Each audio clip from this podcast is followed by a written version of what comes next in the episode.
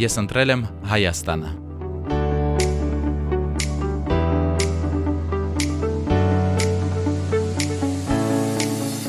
Աշխարի տարբեր անկյուններում բնակվող հայերը հզոր ուժ են Հայաստանի համար։ Հայրենիքում ապրելը, զբոսաշրջիկից Հայաստանի քաղաքացի դառնալը նրանցից շատերի երազանքն է։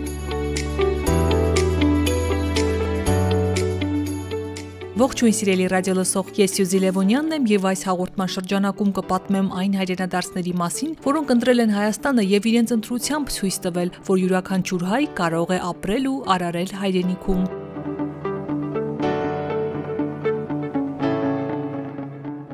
լեզուն պահպանելուց հետո ավելի հեշտ է քեզ մոտիկ զգալը հայրենիքի հետ ձևացնում էր թե ռուսերեն չի հասկանում, որ մենք ստիպված լինենք խոսել հայերեն։ Ամենամեծ տեսարժան վայրը մեր ժողովուրդն է։ Երևի թե ես ուղակի շուտ պետք է իմ որոշումը կայացնեի։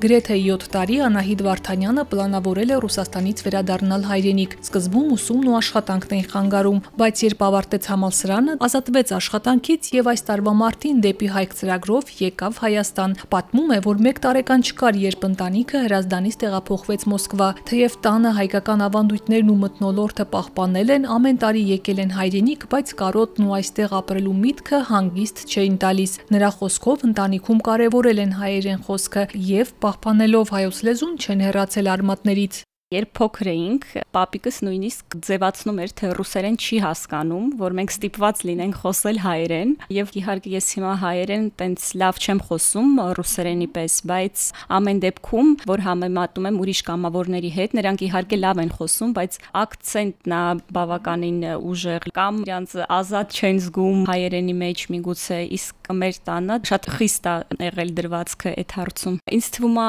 հայրենիքը առաջին հերթին լեզվի հետ դա շատ կապված կապ չունի այդ Հայաստանի ապրող ժողովուրդն են, թե արևմտահայերն են, թե ընդհանուր սփյուռքահայերն են, որովհետև չգիտեմ, դա երևի սխալ կհամարվի, բայց ես զգում եմ այն մարդիկ, ով լեզուն պահպանել է, իրանք ավելի շատ ոնց որ Հայաստանի հետ կապված լինեն, քան թե նրանք, ով ինչ որ հանգամանքների պատճառով չի կարողացել պահպանել կամ ընտանիքում չեն խոսում կամ միգուցե ծնողներից մեկը հայ չի, հա, ու ավելի բարդ է պահպանել լեզուն ոնց որ շատ մեծ տեղ ազբաղեցնում մշակույթի մեջ ու ինձ թվում է լեզուն պահպանելուց հետո ավելի հեշտ է քեզ մոտիկ զգալը հայրենիքի հետ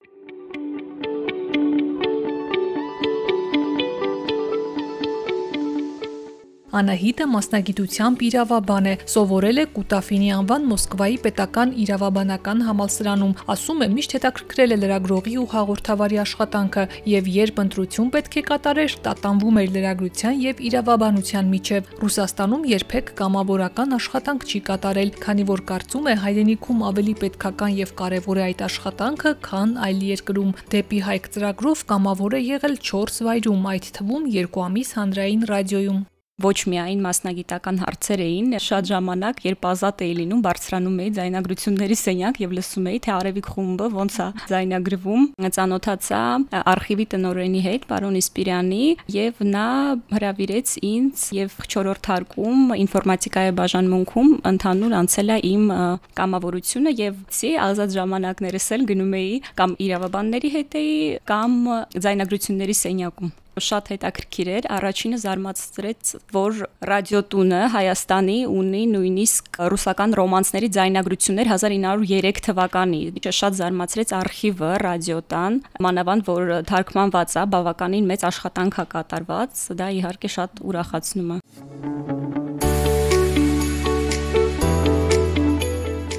Անահիտը կամավորական աշխատանք է կատարել միգրացիայի եւ քաղաքացիության ծառայությունում եւ վերջերս էլ այնտեղից աշխատանքի առաջարկ ստացել։ Նա ապրում է Նոր Հաչնում Տատիկի տանը եւ Երևան հասնելու համար հաճախ է օգտվում հասարակական տրանսպորտից։ Ասում է, սկզբում անսովոր էր, երբ իր փոխարեն վճարում էին ավտոբուսի գումարը կամ առաջարկում պահել պայուսակը, իսկ ահա Մոսկվայում նման վերաբերմունք չկա։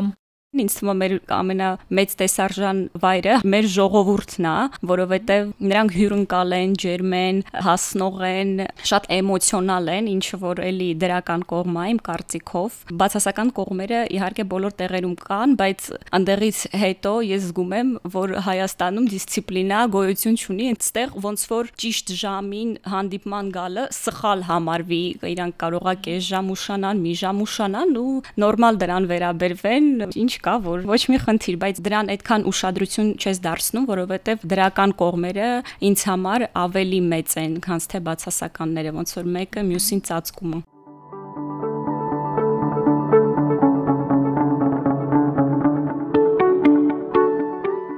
Դեպի հայք ծրագրի մասնակիցների հետ հաճախ է արշավների մասնակցում, սիրում է Գյումրվա բարբառը ճարտարապետությունը, Լորվա հարուստ բնությունը, Երևանում էլ Պուշկին փողոցը, քանի որ կենտրոնի համեմատ ավելի խաղաղ է։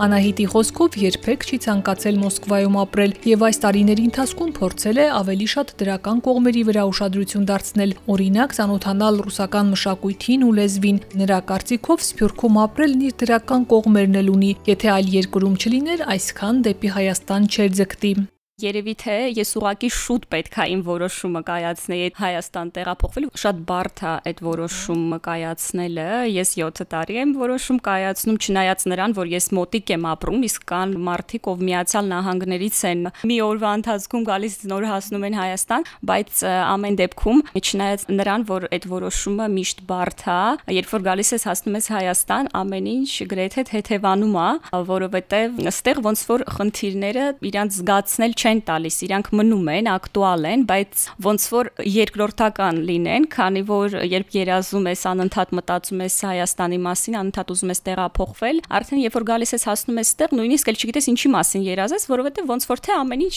իր տեղերում է։ Ուղղակի մի անգամ պետքա ռիսկի դիմել եւ տոմս գնել եւ գալ Հայաստան։